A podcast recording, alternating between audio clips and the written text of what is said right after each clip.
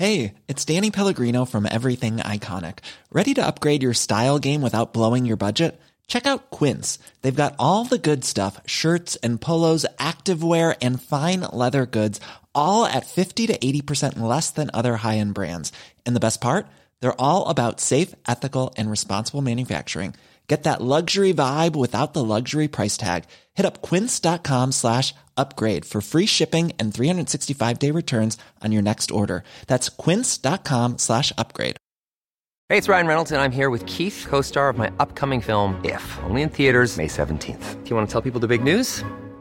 All right, I'll do it. Sign up now and you'll get unlimited for $15 a month and six months of Paramount Plus Essential Plan on us. Mintmobile.com slash switch. Upfront payment of $45 equivalent to $15 per month. Unlimited over 40 gigabytes per month. Face lower speeds. Videos at 480p. Active Mint customers by 531.24 get six months of Paramount Plus Essential Plan. Auto renews after six months. Offer ends May 31st, 2024. Separate Paramount Plus registration required. Terms and conditions apply if rated PG. Hiring for your small business? If you're not looking for professionals on LinkedIn, you're looking in the wrong place. That's like looking for your car keys in a fish tank. LinkedIn helps you hire professionals you can't find anywhere else, even those who aren't actively searching for a new job but might be open to the perfect role. In a given month, over 70% of LinkedIn users don't even visit other leading job sites. So start looking in the right place. With LinkedIn, you can hire professionals like a professional. Post your free job on linkedin.com slash achieve today. Palmemordet. Intervju med David Lyning.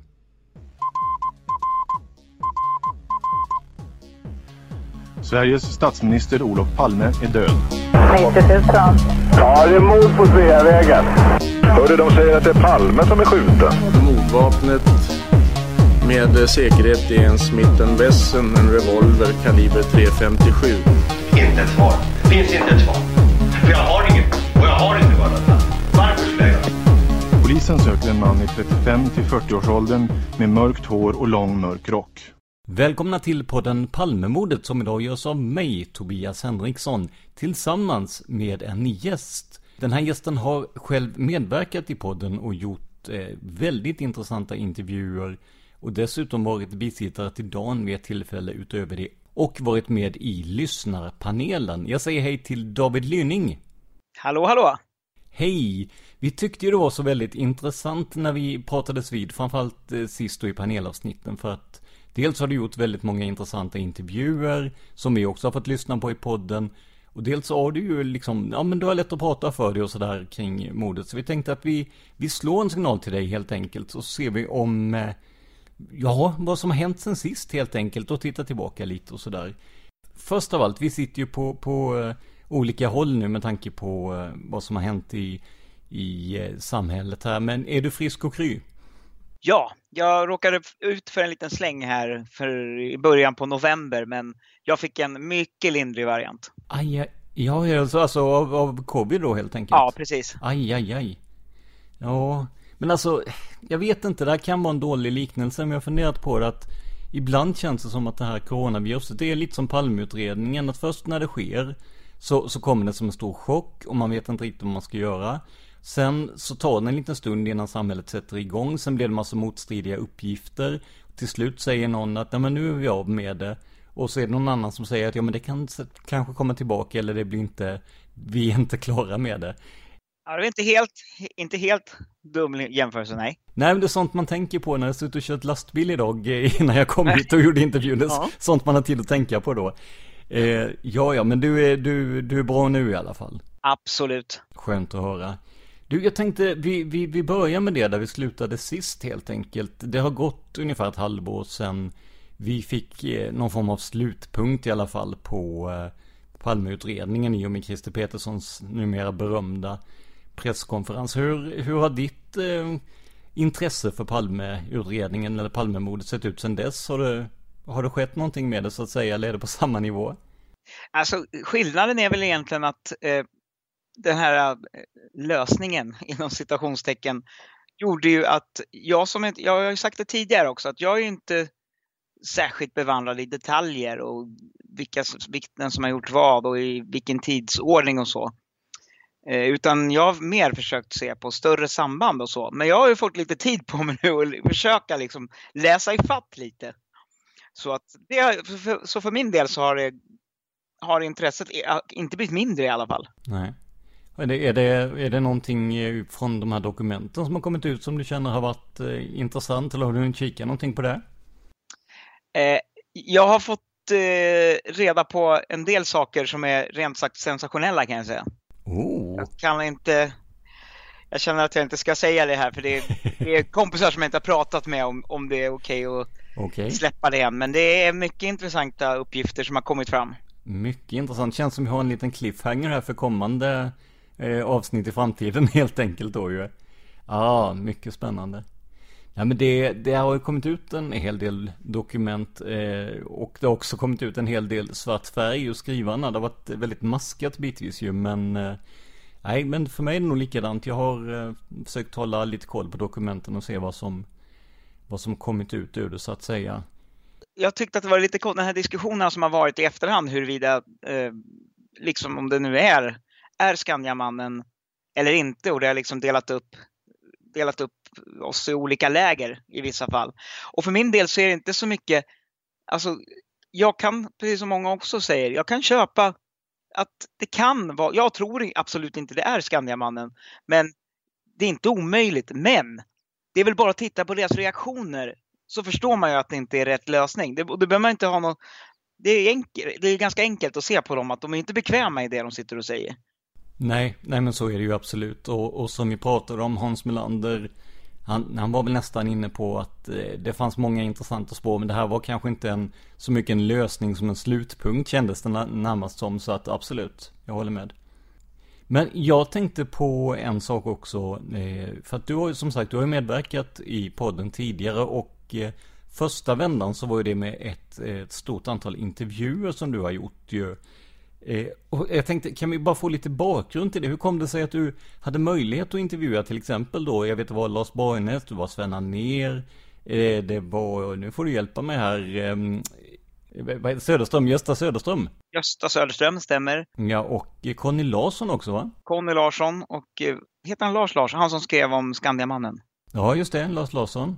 Ja, du ser. Men alltså hur, i, i, i vilket sammanhang kom de här intervjuerna till så att säga?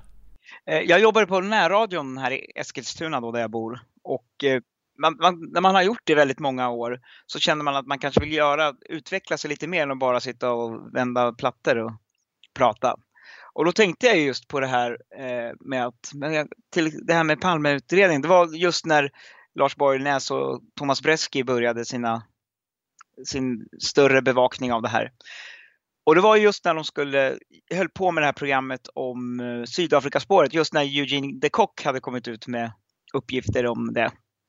Så tänkte jag det att alltså, det är fördelen här i Sverige att vi är inte så jättelångt ifrån makthavare och så. Utan jag tänkte men jag ringer och frågar om han vill ställa upp. Och han tyckte det var jättekul och ville få lite mera, liksom lite PR för sitt program och så. Och, då blev det, och sen blev det nästa gång, men Gösta Söderström vore ju också intressant att prata med. Då ringde jag honom och då, sen märker man ju att de tycker det är roligt att prata. De tycker det är intressant. De vill ju också att det ska liksom komma ut i ljuset. Så att... Nej men absolut och det märkte ju vi med, eh, eller jag i alla fall, eh, Dan och Lars Borgnäs har ju pratat en del eh, tidigare då. Men i, när jag pratade med Lars Borgnäs så var ju han ganska, han var ganska lätt att få med på, på tåget så att säga. Och han är ju för mig en, en Ja men en, en förebild journalistiskt, det måste ja, jag ju säga. Så att, eh, nej det, det är som du säger, det, det finns ju ett, det finns många som vill prata kring det här, absolut. Enda gången jag fått riksnej, det var eh, efter, jag tror det var i samband med resningsansökan, eller i samband med resningsansökan eller om det var när den inte godtogs. Så Åke Röst, det var inte riktigt det. Jag ringde honom och han bara, nej förstår du, det är så mycket att göra här. Jag bara, okej, okay. ja. Men alltså om, innan vi går in på de här personerna som du faktiskt har intervjuat, alltså om det hade varit en, eh, jag tror vi hade kanske den här frågan i panelavsnittet, men om du hade fått intervjua en person, död eller levande, som har med Palmeutredningen att göra, och alltså nu är det ju lätt att säga mördaren då, men om, om jag har någon ah, med... lite mer specifikt. Ja, lite mer specifikt. Vem skulle det vara då? Ja, Lisbeth skulle ju vara rätt intressant. Nu går ju inte det heller, hon är men det skulle vara intressant. Hans Holmér hade också varit väldigt intressant. Ja, verkligen. Alltså Hans Holmér är ju Ja, jag vet inte. Det, är, han, det känns som att han beskriver sig själv lite som någon slags eh, cowboyfigur där och sen blir det bara Ja, det blir bara elände i slutändan när han, när han får gå där och så. Så att, ja men det hade nog varit väldigt intressant. Absolut. Jag tänkte på en sak, när kopplingen till, ehm, till Palmeutredningen. Det, det ska ju göras en eh, film på Netflix här nu om eh, Stig Engström faktiskt då ju, eh, där Robert Gustafsson ska spela huvudrollen. Ehm, har du, ehm, har du hört, hört de ryktena så att säga och i så fall, hur känner du för det? Jag tycker det känns lite sådär faktiskt.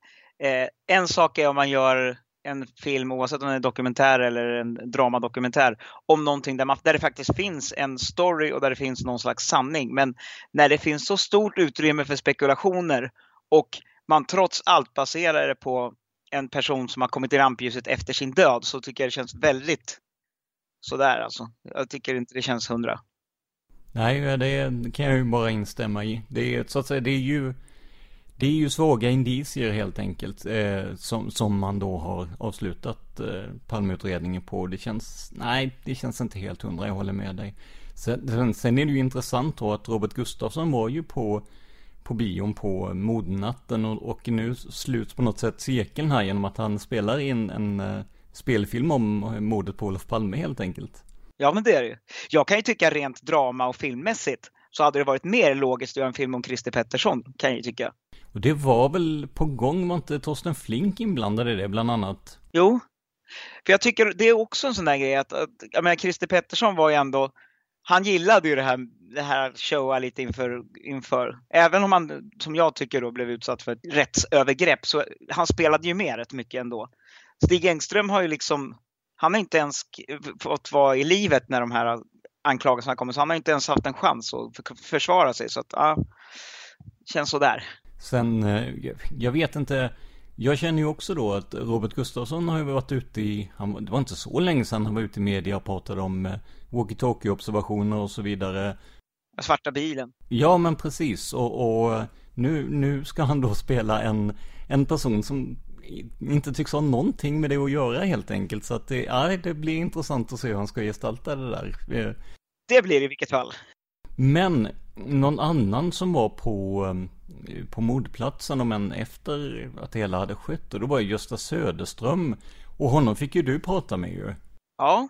Hur, hur var den upplevelsen? Han är ju tyvärr inte i livet idag, så vi har ju inte kunnat prata med honom mer här. Men hur, om, alltså hur, ja, hur, hur var det att prata med honom? Hur, hur verkar han som person och så vidare? Jag tycker han verkar, eh, jag, tycker han, jag tyckte han ger ett väldigt trovärdigt intryck. Eh, det, var, det är väldigt fascinerande att höra om någon som liksom berättar om, som var på platsen och berättar väldigt tydligt och liksom hur, han, hur han såg ut och att eh, hur det vällde ut blod och hur folk liksom var sådär. Och eh, nej, jag tyckte han gav ett väldigt trovärdigt intryck och han ger ju inte liksom uttryck av att vilja liksom eh, på något sätt framhäva sig själv eller så. Han gav mer intrycket av en person som nästan ja, var, tänkte att ja, men det är ändå all, det är ingen som lyssnar på mig. Varför? Det är ju så här. Sen om han har rätt eller inte, jag kan inte. Jag har ju väldigt svårt att se var, varför han skulle ljuga om det. Men.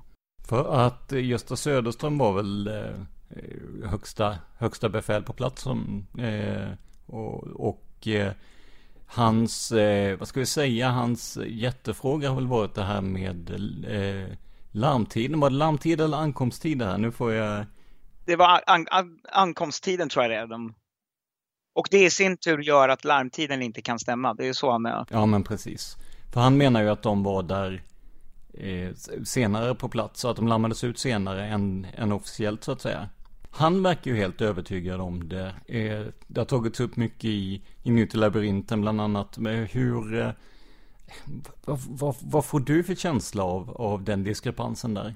Jag får känslan av att liksom, eh, att det överhuvudtaget har blivit en diskussion om det här tyder ju på att det är väldigt otydligt det hela med larmtiden. Det är samma där. Jag kan inte säga att det behöver inte vara så att han har rätt. Det kan vara så att hans klocka går och gick fel. Det kan vara så att han har missuppfattat.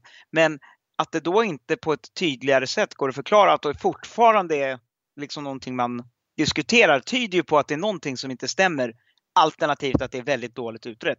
Och det är väl de två lägena vi har oavsett Oavsett vad man tänker om det som hände på mordplatsen. Antingen finns det de som tror att det är väldigt dåligt skött. Eller de som tror att det är ja, men, en konspiration eller en, eh, en, ett sätt att vilseleda helt enkelt.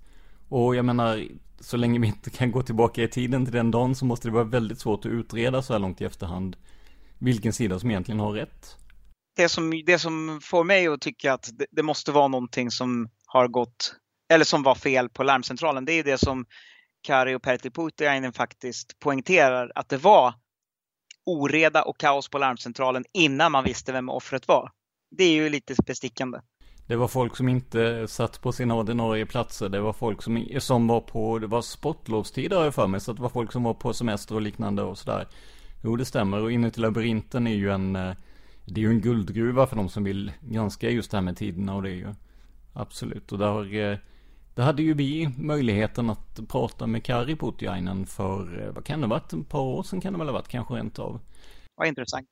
Ja, det var intressant. Tyvärr så eh, var det ju så här att eh, en av våra mikrofoner inte ville samarbeta just då, så att ljudkvaliteten var väl kanske inte riktigt så bra som jag hade tänkt, men det var väldigt, eh, väldigt intressant och det var ju också lite som att sitta och prata med ja, någon form av, av förebild på något sätt som ändå har orkat lägga så mycket tid på det. Sen får man ju tolka slutsatserna som man vill, men eh, ett gediget arbete i alla fall, det kan man inte säga något om. Visst är det så, visst är det så. Av de andra då som eh, du intervjuade i den serien vi hörde där så hade vi ju Sven Anér också ju. Eh, en, en, känd, lite föraktfullt kallat för privatspanare, men privat undersökare tycker jag låter som en, en, en bättre titel. En hejare på att gräva fram nya grejer. Eh, så var det inte alla som höll med om hans teorier givetvis. Men vad, vad var ditt intryck av Sven Anér då? en, alltså, en gedigen journalist. Eh, jag fick ju intryck, jag vet inte vem det är som har sagt det av de här, av sådana som man ser ofta uttala sig om Palmemordet. Att han, han fick fram något guldkorn lite då och då, men väldigt ofta så hängde han sen upp det på teorier som han inte riktigt alltid följde med. Det var ju både i fallet Borlänge där, så hängde han ju, har han ju envisats väldigt länge med att, att eh, det fanns belägg för att Eh, Hans Holmér inte var där och det vet man ju inte. Men det var ju, och likadant var det ju med AA. Var han ju väldigt länge säker på att det var gärningsmannen. Och det, den är eh, också, samma där, duktig men jag vet inte om jag håller med hans slutsatser. Alltså han uppmanade väl till och med eh, AA var det väl vill jag minnas att dra honom inför dom, domstol om de här uppgifterna han hade fått fram var felaktiga. det, det skedde ju ingenting där. Förmodligen tyckte väl den utpekade personen då att det här var ju det var inte mycket att bry sig om helt enkelt. Men det, det är ändå, ja, modig var han ju om inte annat. Men jag tror inte att han var helt fel ute kan jag säga utan att säga för mycket. Jag tror, jag tror att han var något på spåren. Du ser, du strör sådana här små, eh, vad heter det, cliffhangers omkring dig idag. Jajamän. ja men det är härligt. Nej men som sagt, en, en, en, eh, en grävare av rang tycker jag absolut. Sen slutsatserna det ja, som sagt, det är ju väldigt lätt att hamna i en, eh, ja men i en övertygelse när man har grävt mycket i någonting. Det, det märkte vi ju på, jag kunde ju eh, tycka att till exempel Viktor Gunnarsson var väldigt, eh, eh, inte trolig kanske som mördare, men han, han passade liksom in i pusslet på något sätt. Och nu när det har gått ett tag sedan man eh, tittade på honom då så kan jag känna att nej, men nej, alltså jag, jag var inte rätt ute där alltså, utan eh, jag tror det är väldigt lätt att fastna i den här, eh, Borgnäs Borgarnas har ju också pratat om det med just det här med tunnelseendet. Och det var ju ni som sa det också under ert arbete. Jag vet inte om det var du eller Dan som sa att för varje spår ni gör så är man helt övertygad om att det här är det ju. Jag tror att det var så tidigt som när vi började med de första avsnitten om eh, Christer A som Dan sa det att eh, det, just det här med man känner verkligen att spåret är att det här är verkligen någonting så absolut. Och det ser man ju också på eh, lite mer, vad ska vi kalla det, eh, lite mer lösa teorier helt enkelt. Eh, till exempel de som tror att Palme inte sköts och så vidare. Att, det, det, att folk faktiskt fastnar väldigt mycket i sina egna teorier. Och det, ja, det, vi försöker ju komma runt det alltså. Eh, som till exempel då genom att ha de här lyssnarpanelerna och så. Få lite olika åsikter från olika håll. Men ja. Man kommer ju alltid, om man, om man väljer och vrakar och plockar lite åsikter och fakta här och där så Mm. kommer man alltid hitta de som stöder ens egen teori. Så är det ju. Ja, jo. Jag kanske ska, till, jag kanske ska tillägga att, att det är inte på något sätt så att jag på något sätt eh, anklagar den person vi pratar om AA om det var jag sa, det jag menar är att han, jag tror att, inte att han är helt fel ute vad gäller teorin i, i den kretsen. Så vi inte pekar ut någon stackare här som inte har några belägg. Absolut. Ehm, det är för övrigt, vi pratar om personer som skulle vara intressant att intervjua, så där har vi ju ett, ett namn till i så fall som, eh, som jag, vad jag förstår har hållit sig i lite i skymundan helt enkelt vad gäller just eh, Palmesaken. Och det kan jag mycket väl förstå utan att det behöver vara något skumt om det. Men det är ju så, du kommer alltid kunna hitta saker som stöder din egen teori. Det är därför det är så spännande att gå igenom alla olika, så det är jättebra jobb ni gör att ni går igenom varje spår sådär grundligt. För att ja, du hittar ju alltid någonting som talar för allting. Jo men så är det ju verkligen och förhoppningsvis ser man ju då också att Eh, att man kan inte, ja men som du säger, stirra sig blind på en sak för det finns så mycket i de olika spåren som stämmer. Till slut skulle du så fall ha en teori där eh, Viktor Gunnarsson samarbetar med Boforsaffären och åker till CIA. Ja men du vet, det skulle bli Det funkar ju inte riktigt utan nej det är som du säger, det finns någonting i alla alla spår liksom. Det gör det. Men apropå spår då så eh, du, du pratade ju även, eh, vill jag minnas, med författaren Conny Larsson. Han hade ju en, en teori om eh, mördare som var lite... Eh, ja, men det var, det var inte någonting där man hade hört jätteofta i alla fall. Har du, har du, eh, kan du dra det lite snabbt tror du? Ja, eh, han jobbade ju som, eh, han hade ju ett behandlingshem som jag förstår. Eh, där det var före detta ja, som har suttit i fängelse som ska liksom anpassa sig in i samhället igen. Och en av dem var en person som, som han tydligen kom väldigt nära men, och, och som, var, som tyckte väldigt illa om Palme. Och tydligen en dag så hade han, han skulle, tog sig iväg från hemmet eller från huset då. då. Och eh, då så sa Conny, men du kan inte gå nu, du, får- du får inte lämna här. Och då har han sagt, rör du mig så, så slår jag ihjäl dig. Och vad ska du göra? Jag ska upp och skjuta den jäveln, Palme. Och tydligen, och sen höll han sig upp i Stockholm och ringde sen på natten och sa att nu är det gjort. Återigen, det är alltid svårt att prata om en känsla men men när du satt och pratade med Conny Larsson var, var det någonting som fick dig att tänka att men vad fan det här kan ju vara någonting alltså? Eller kändes det mer som att det, ja, kändes det mer som det här eh, tunnelseendet? Han är väldigt bra berättare. Han är väldigt engagerad berättare så att eh, man lyssnade väldigt mycket på det han sa.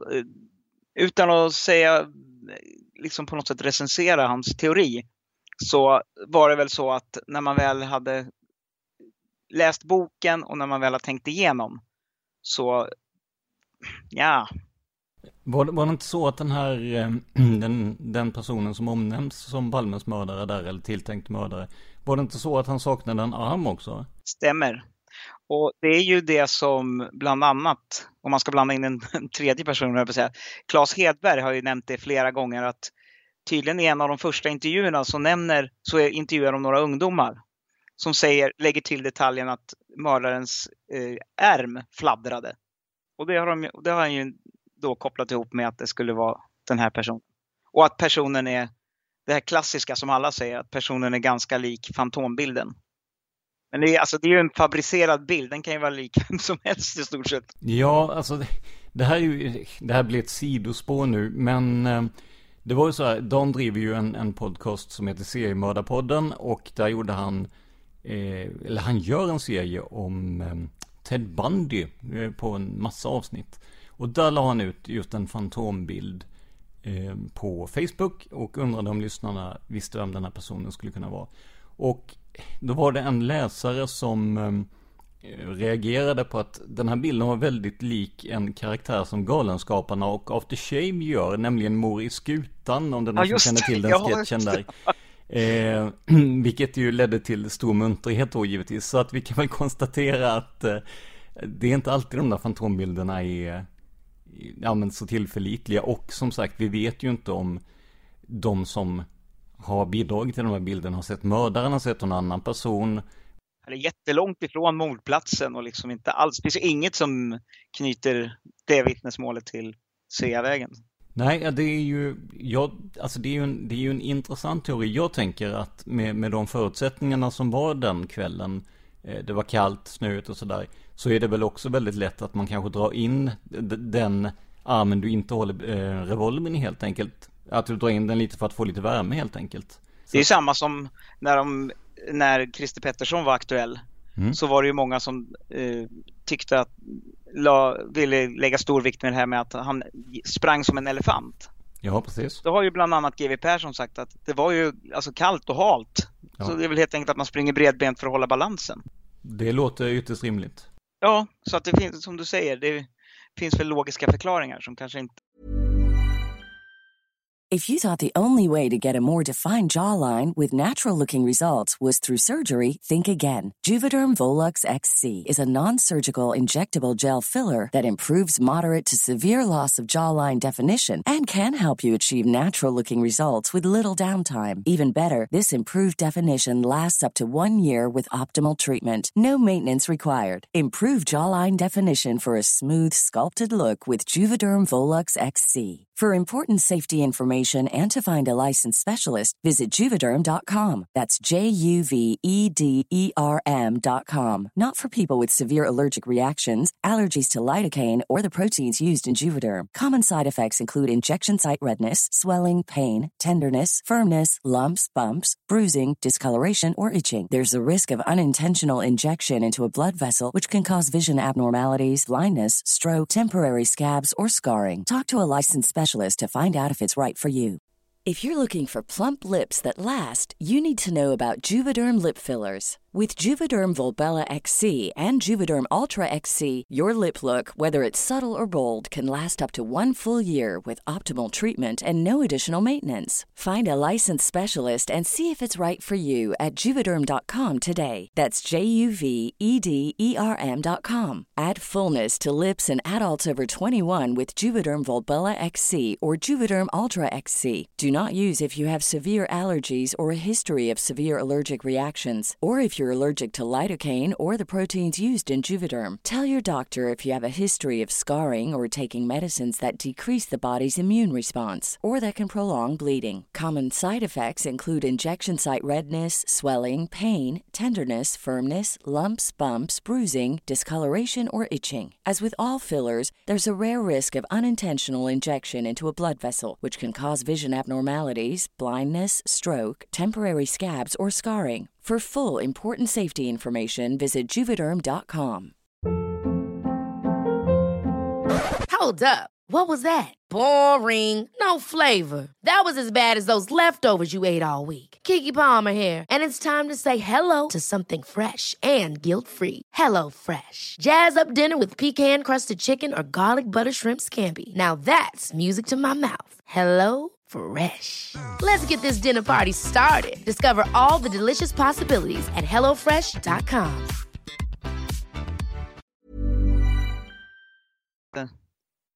Ja, sen, sen pratade du med Lars Larsson med som skrev om, eh, som, ja men skrev den första boken om, om Skandiamannen helt enkelt.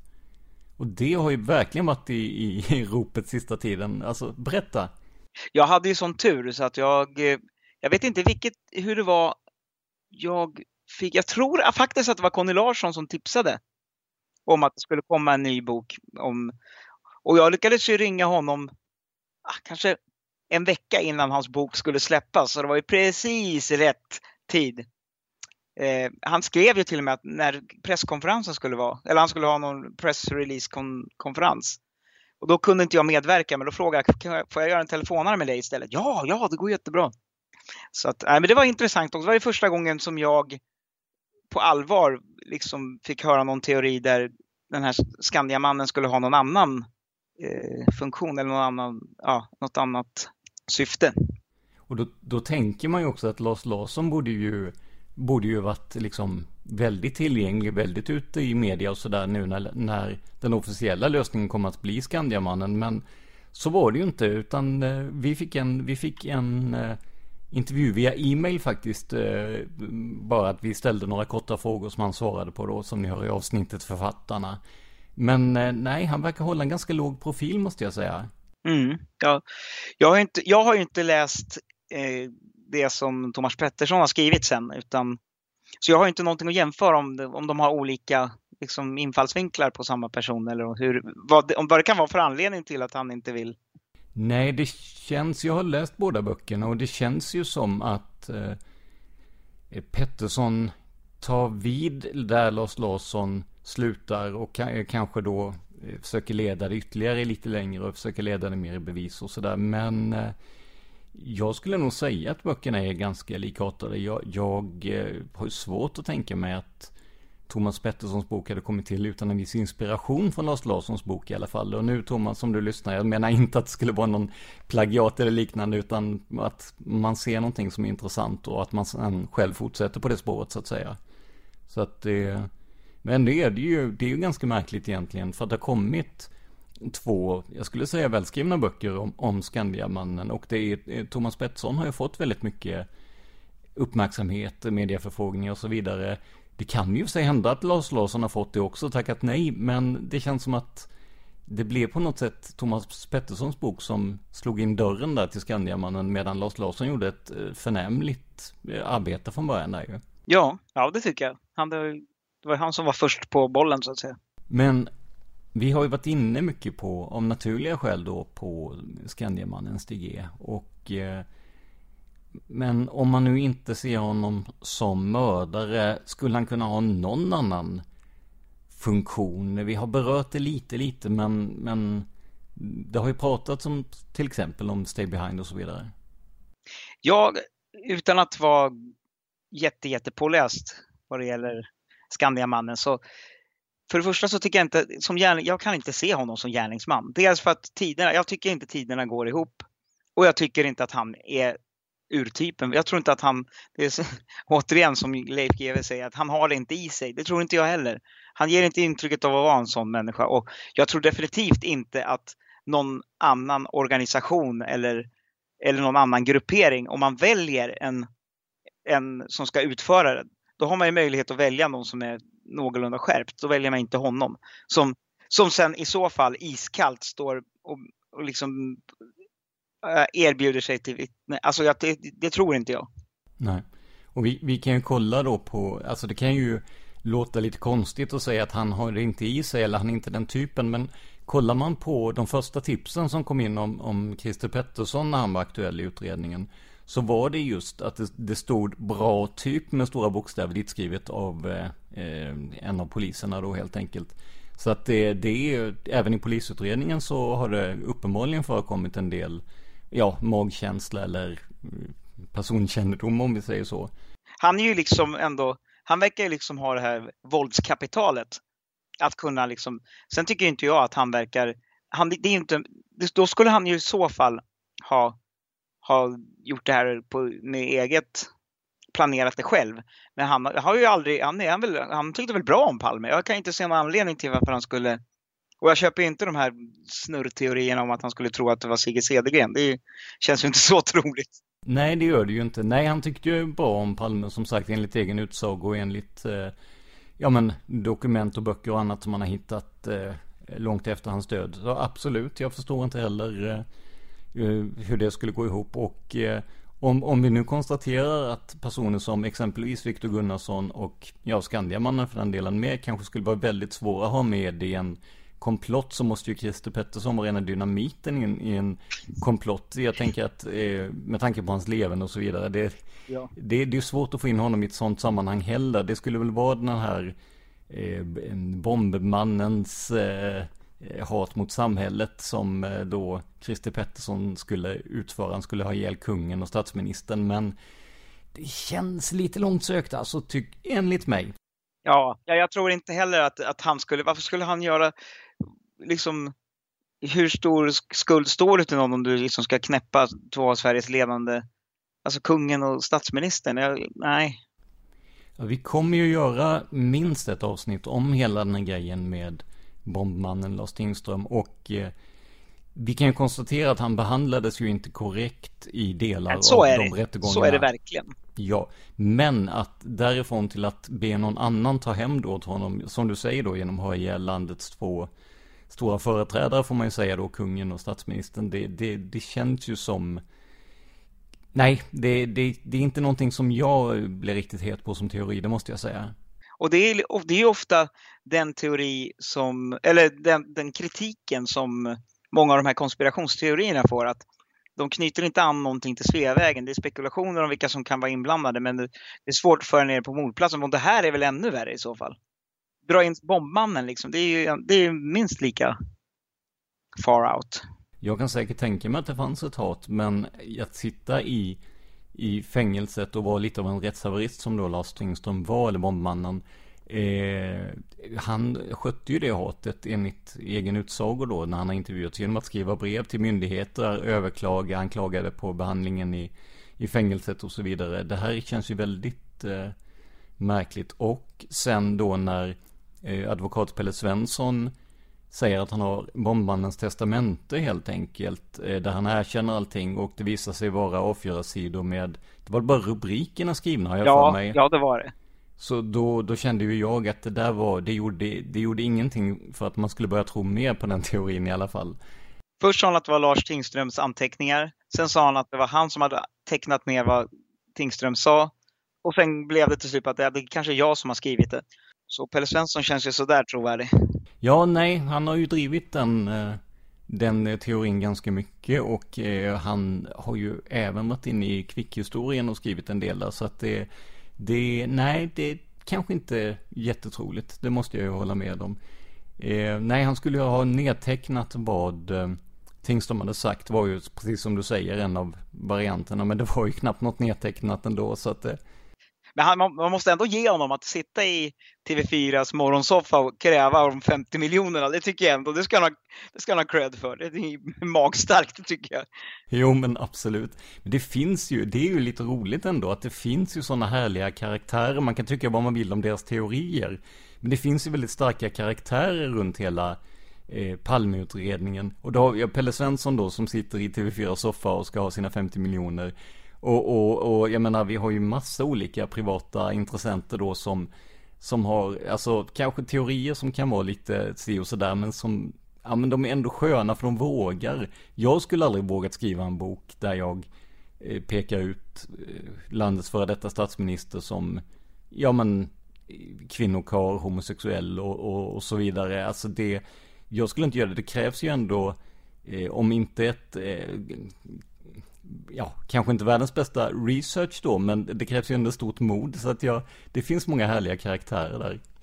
Man, man undrar ju om, om vissa sådana kommer undan för att hela teorin är så osannolik för många. För att det, vissa, vissa del, delar i det här, det är ju rent förtal. Nej, men det, så är det kanske. Att om teorin är tillräckligt eh, far out där så, ja, det kanske inte väcker någon, någon motreaktion för att folk tänker att alla kommer att tro att det är att, ja men att det bara är lögn och på helt enkelt.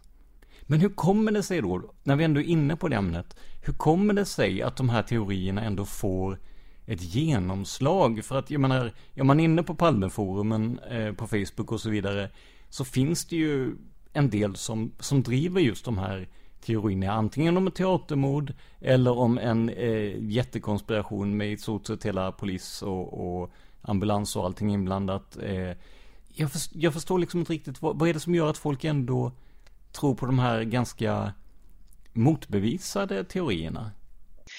Hela, jag, tro, jag tror ju att hela grunden till att, att sådana här teorier får fäste, det är ju helt och hållet ett bevis på hur ofantligt uselt skött utredningen är och hur många frågor som inte är utredda och som, som inte liksom kan fastslås rent polisiärt så. Men sen finns det ju sådana, och det, då är det många som utnyttjar det genom att komma med helt vansinniga teorier.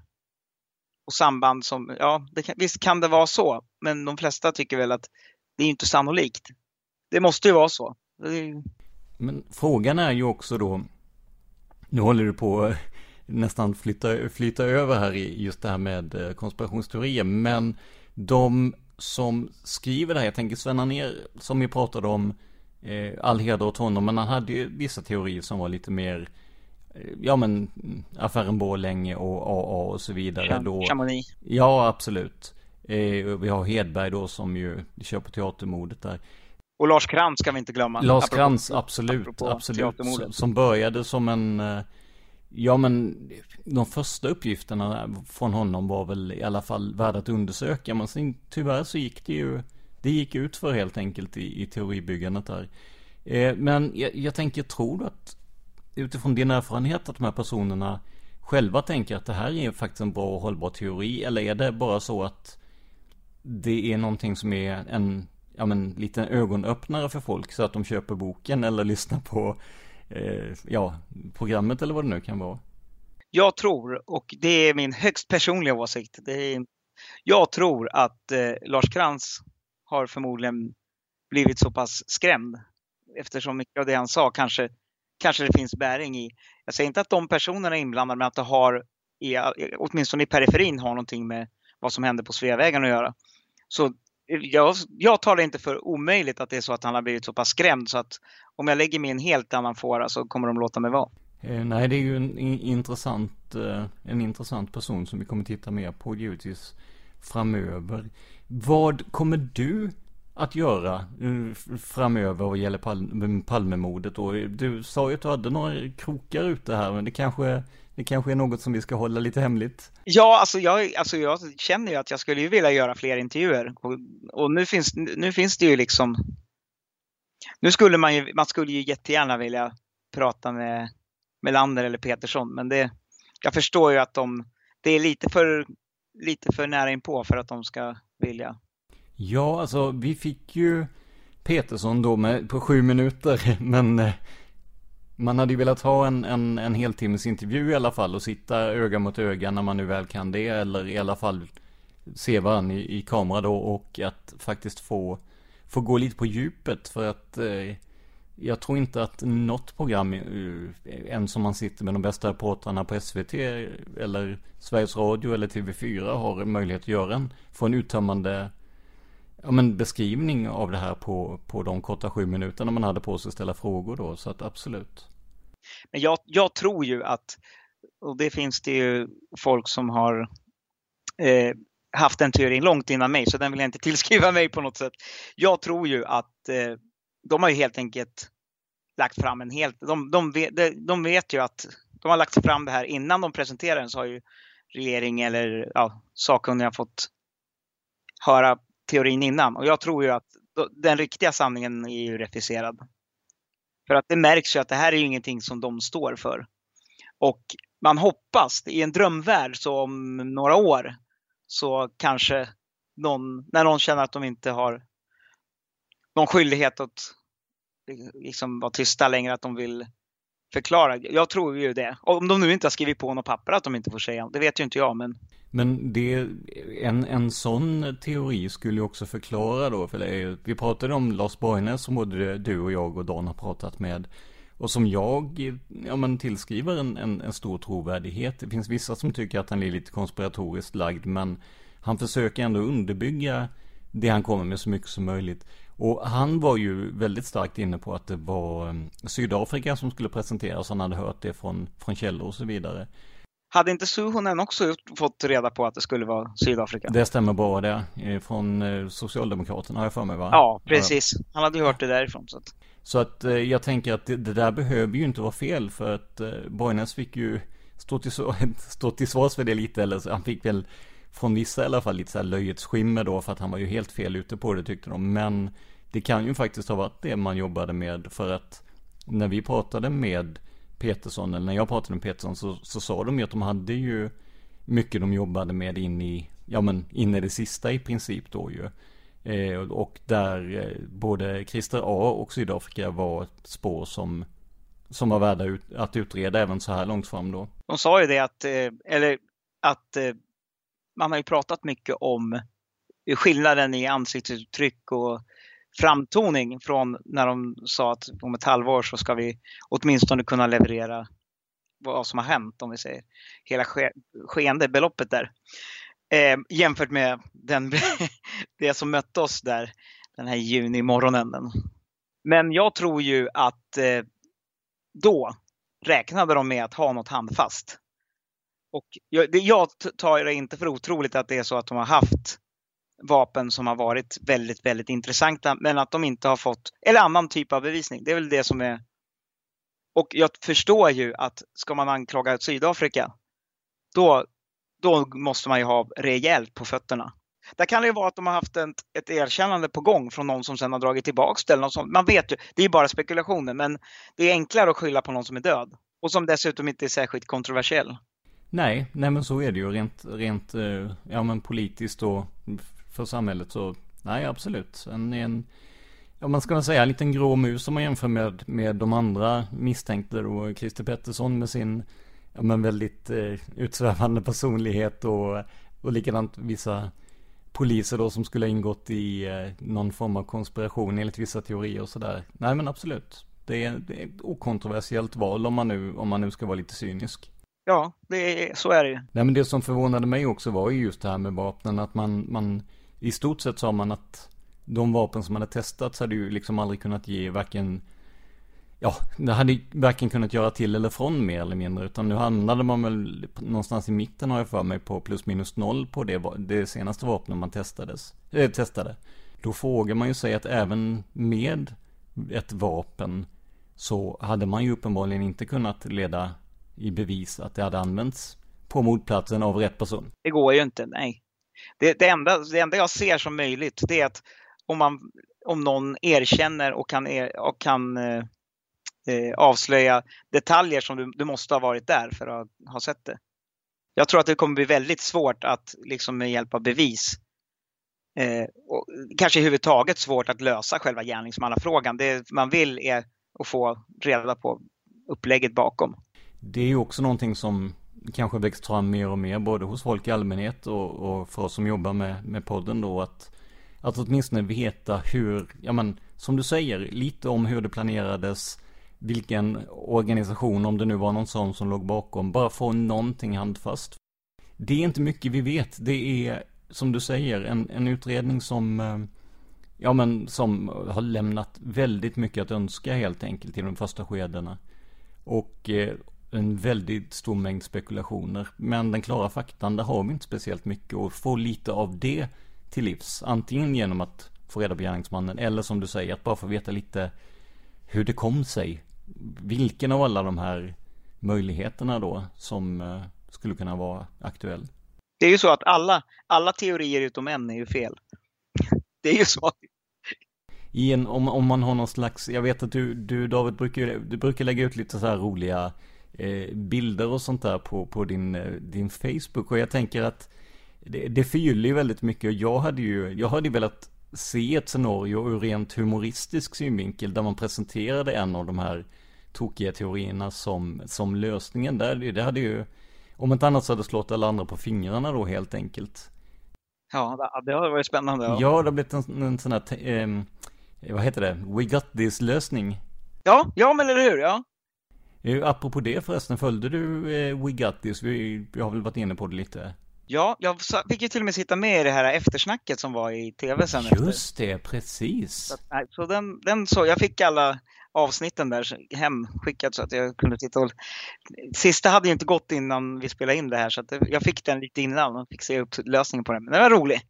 Men du, jag tänkte på det, vi har pratat lite om dina intervjuer, vem du skulle vilja intervjua och sådär. Men om du tänker dig att du satt i, i Dans eller min stol och jag kan säga att Dan har varit väldigt eh, intresserad av att få med dig mer i podden här så att, eh, och det är jag med för den delen sen vi började prata också. Eh, men om du hade, säg en, en serieprogram som du hade kunnat göra i vår podd, vad skulle du fokusera på? Jag vet inte, alltså jag, jag tycker ju alltid att det är spännande att höra sådana här, sådana som påstår att, eller som har, har saker att berätta men som har blivit negligerade. Det tycker jag är intressant. Rent, rent så. Det, sen är det inte säga lägga ingen vikt i sanningshalten eller så, men det, det är intressant att höra. Plus, och sen så är det intressant att höra från folk som faktiskt har jobbat med det här. När du tänker på personer som har blivit negligerade så är det, är det någon speciellt som kommer upp i huvudet? Kenneth Nailberg. Kanske inte urtypen för att man vill åka ut och intervjua kanske, men... men... Smårädd hade ja, man varit. Men... ja, verkligen. Borgnäs och jag pratade lite om det i, i, i eh, lyssnarfrågorna tror jag bestämt att det var. Så eh, pratade lite om, om Borgnäs bedömer ju hans trovärdighet som hög helt klart. Jag var ju eh, uppe i i Stockholms förorter där och intervjuade Ivan von Berchan också vid tillfälle. Det är ytterligare en person som han, han har väl fått lite kanske ett löjets skimmer över sig då för att folk tycker att han skroderar, att han brer ut väldigt mycket och sådär. Men när man går ner och tittar på de här faktiska faktan att han var uppe hos eh, ett en borgarråd med en varning om att Olof Palme skulle bli skjuten eh, och så vidare och att han har pratat med folk om det så där, där är det ju, där finns ju ändå någonting att ta på så att säga. Det är ju också en person som Ja. Han är ganska precis också när han beskriver att det var ett papper och det var en stämpel och det var, var det Kjell-Olof Fält, det var Lars Malm och Olof Palme som stod. Han, han beskriver det väldigt detaljerat. Det stämmer. Och det var, han, han, han var uppe hos Inge Bormner tror jag hon hette som var borgarråd där och eh, skulle ha berättat om det här. Och vi har ju sökt henne för en intervju givetvis men hon har avböjt med hänvisning till att det var så länge sedan. Jag kan väl, jag kan väl känna då, i och med att Ivan von Berchan till exempel har varit ganska han har blivit mer och mer kontroversiell. Vi fick, fick vara väldigt noga med att klippa det avsnittet för eh, han, hade, han hade ju andra åsikter också som kanske inte lämpar sig jättebra i, i, i, i podden helt enkelt då. Men ja, pekade ut eh, personer som skulle eh, hålla hållit i vapnet och så vidare, vilket ju inte vi kan göra då med tanke på, ja vi har ändå ett ansvar för vad som sänds ut. Men Eh, jag tror ju snarare att det är så att när man ser att, att den här personen eh, har lite andra teorier som kan vara ja, stötande eller märkliga. Så tror jag att man gärna vill eh, distansera sig från den här personen. Så jag, jag, tror, jag tror faktiskt inte att Inge eh, skulle ha glömt att någon kom upp till henne och sa att Palme kommer att bli skjuten. Däremot så tror jag att det, ja. Hon sa väl ändå att, att hon kunde väl, det var väl Alf Karlsson som sa att han aldrig hade hört det här förut, men Bovner sa i alla fall att han hade varit uppe där. Var det inte så? Jo, precis. Hon har bekräftat det, eh, alltså långt tidigare då. Men jag tänker, jag tänker, jag, jag, är inte riktigt säker på att hennes förklaring att, att det har gått så lång tid och att hon kanske inte riktigt minns allting är, är fullt så trolig som att man kanske vill distansera sig lite från hela händelsen. För det här har ju blivit en, ja men både lite infekterat och sen, sen är ju utredningen en enda röra bitvis. Ja, det visst är det så när vi ändå pratar om folk man vill intervjua, några som också är intressant att intervjua, det är ju de som faktiskt har råkat jäkligt illa ut. Då tänker jag på sådana som Jerry Martinger eller Jesus, Jesus Alcala, som ju egentligen inte hade särskilt kontroversiella. Han, han pekade ju på, han var ju väl pro polisspåret och pekade på saker som där, eh, eller situationer och delar där polisen, polisens aktioner kanske var lite och, och det fick ju liksom helt oproportionerliga konsekvenser tycker jag.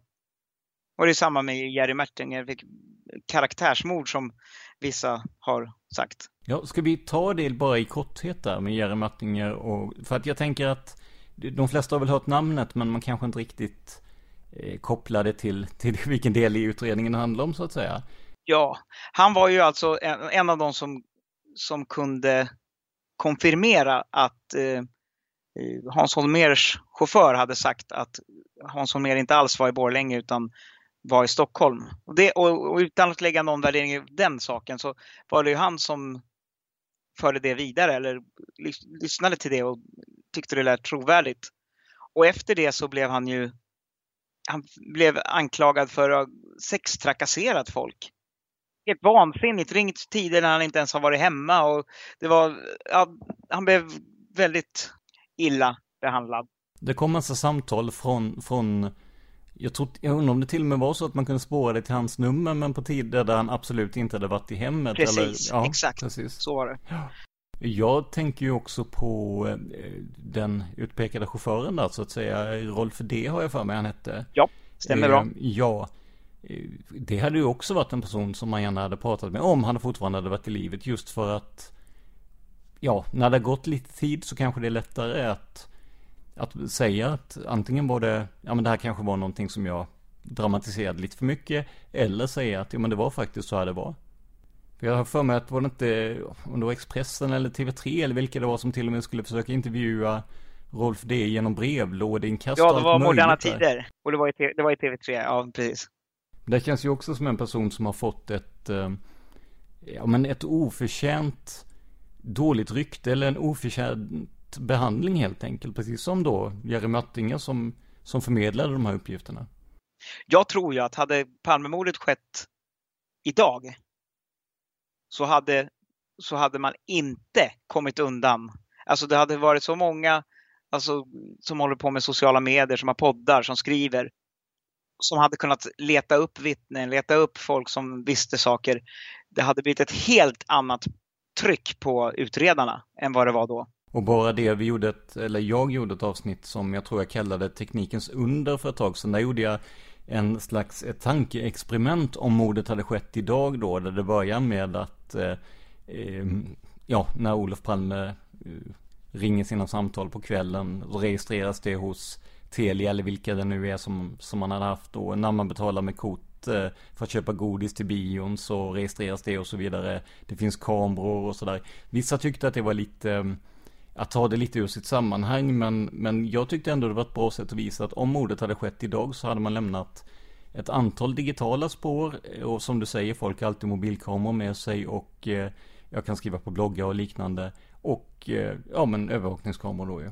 Och jag tror ju också, det, det, ska man inte, det ska man också tänka att eh, det är ett helt annat utbud till exempel av nöjen och mycket mer att göra. Det hade förmodligen varit mer folk ute, tror jag. Och jag tror, jag tror att förutsättningarna hade varit helt, helt annorlunda. Det, det är ju lätt att dra en parallell där till det andra, om vi kallar statsmannamordet där och där, där, var, där det var Anna Lind som blev eh, attackerad då eh, av en Ja, Mihail Mihailovic. Men, ja, det konstaterades en psykiskt sjuk person helt enkelt då som, eh, som eh, överföll henne med kniv. För där var ju, det var en helt annan, en helt annan, ett helt annat driv om vi säger så i, i den utredningen. Eller vad, vad säger du?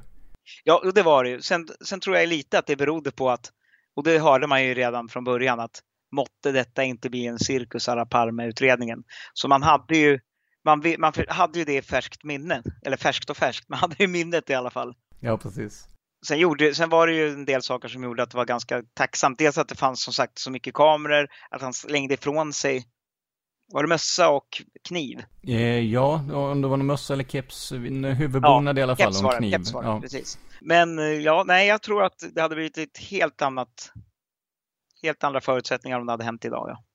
Men där har vi ju, även där gjorde man ju så att eh, eh, ur minnet här nu, men in, det var inför en, en, ett fotbollsderby tror jag uppe i, i, i Stockholm. Så eh, lyckades man få span på en person som såg lik ut, personen ja, på bilderna, och, som visade sig vara helt oskyldig då. Inne på Ben Turpin, tror jag. Precis, Råsunda, ja. Just det. Eh, och eh, som då utsattes för, ja men det är ju självklart att om en person är ja men, misstänkt i någon mån så, så måste man ju prata med personen. Men där blev det ju också en, om inte jag minns fel nu, så var det väl en, en, eh, en arrestering eller häktning. Och eh, sen blev det framför allt ett väldigt liv i, eh, i media sen för en person som senare visade sig vara helt oskyldig. Det berättades livligt om hur han tuggade på sina egna kläder Eh, i, i cellen och allt sånt här. När det egentligen kan vara att man mår jävligt dåligt av att sitta instängd helt enkelt. Det, eh, så det, det gjordes ju både medieövergrepp och felaktiga gripanden där också. Men, men man lyckades ju ändå lösa det på en relativt kort tid. Nej men det är ju, för där är ju just det här med, med det här mediedrivet som blev runt honom. Det är ju något som är väldigt lätt att applicera på, ja men exempelvis eh, Christer Pettersson framförallt. Och även om han bidrog till det själv. Men om, om vi ser så här då. Om, om Christer Pettersson hade varit i livet, som ändå är en väldigt eh, färgstark, eller vad ska jag säga, en färgstark eh, karaktär och så vidare. Vad skulle du fråga honom egentligen? Jag skulle fråga honom, ärligt Christer, jag, må, jag det är många, du har ju liksom hållit hov här och du har mm. sagt, men du, alltså hur har du lyckats, hur har du lyckats liksom få alla att liksom på ett trovärdigt sätt liksom så ett liksom frö av tvivel att det kanske mm. är du? Mm. Han, är, det ser han har ju gått på Kalle Flygare. Han var ju, han var ju en väldigt talangfull skådespelare. Absolut. Och det, han var ju väldigt bra på när, när de intervjuade från Barnjournalen. Han sa att om jag hade gjort det så hade jag kanske kunnat hålla masken. Men bara nästan. Han visste ju exakt hur långt han kunde säga utan att, utan att liksom bli bunden vid brottet eller att det skulle liksom på något sätt ses som något medgivande. Så att, eh, jag, skulle vilja, jag skulle vilja på något sätt öppna eller riva barriären och liksom få honom att liksom berätta. Han, för han måste ju haft en plan. Han måste ju sett det här som en födokrok. Liksom. Det skulle vara intressant att fråga honom. Och, så, och det som vi var inne på förut. Alltså allvarligt. Hur, var det, hur allvarliga var egentligen dina samhör, ditt samröre med bombmannen? Vad är, vad är det han har gjort som, vad är det han har gjort som gör att du, att du i så fall, om det här stämmer, skulle vara beredd att döda statsministern för honom? Om man hade vågat ställa den frågan, man vet ju aldrig. Nej, det är sant. Han hade temperament. Det kan, måste jag berätta en liten rolig anekdot från när jag gick min radioutbildning nere i Båstad. Så hade vi eh, varit ute en kväll. Och då då, då var, hade jag ju det här, jag tror inte att jag hade, jo men jag hade gjort många av de här intervjuerna så de visste att jag var Palmemordsintresserad. Så var det en av mina klasskamrater som kom fram. Du, du, jag, jag, bor, jag bor granne med Christer Pettersson. Jag kan fixa en intervju med honom om du vill. Jag tänkte, han är inte allvarlig. Det hade varit kul. Men du, jag tänkte David att det börjar bli dags att eh, avrunda lite för oss. Är det någonting som du känner att du vill ta upp eller någonting vi har missat i, i samtalet här? Nej, jag tycker vi har lyckats tröska igenom det mesta här. Ja, vi har det faktiskt. Och så vet du att du alltid är välkommen tillbaka om det är eh, Ja, dels om du själv känner att det är, är, är någonting och sen kommer vi säkert höra av oss också. Det får ni jättegärna göra. Ha det bra! Detsamma! Hej! Med det säger vi tack till David Lynning och hoppas att vi får höra mer av honom framöver. Som vanligt kan du gå in på vår Facebook-sida facebook.com palmemordet och berätta vad ni tycker om dagens avsnitt. Glöm inte heller att ni kan stötta oss genom att gå in på patreon.com palmemordet och donera en summa som podden får per publicerat avsnitt. Det är alltså patreon.com palmemordet. Det här var veckans avsnitt av podden Palmemordet som idag gjordes av mig, Tobias Henriksson på PRS Media. För mer information om mig och mina projekt besök facebook.com prsmedia.se eller gilla oss på Instagram där vi heter PRSMedia, Ett ord, små bokstäver. Stort tack till alla som sponsrar och ser till att hålla den här podden levande. Men framför allt, stort tack för att du lyssnar på podden Palmemordet. Man hittar Palmes mördare om man följer PKK-spåret till botten. Därför att ända sedan Julius Caesars tid har jag aldrig hört talas om ett mord på en framstående politiker som inte haft politiska skäl. Polisens och åklagarens teori var att han ensam hade skjutit Olof Palme. Och det ledde också till rättegång. Men han frikändes i hovrätten.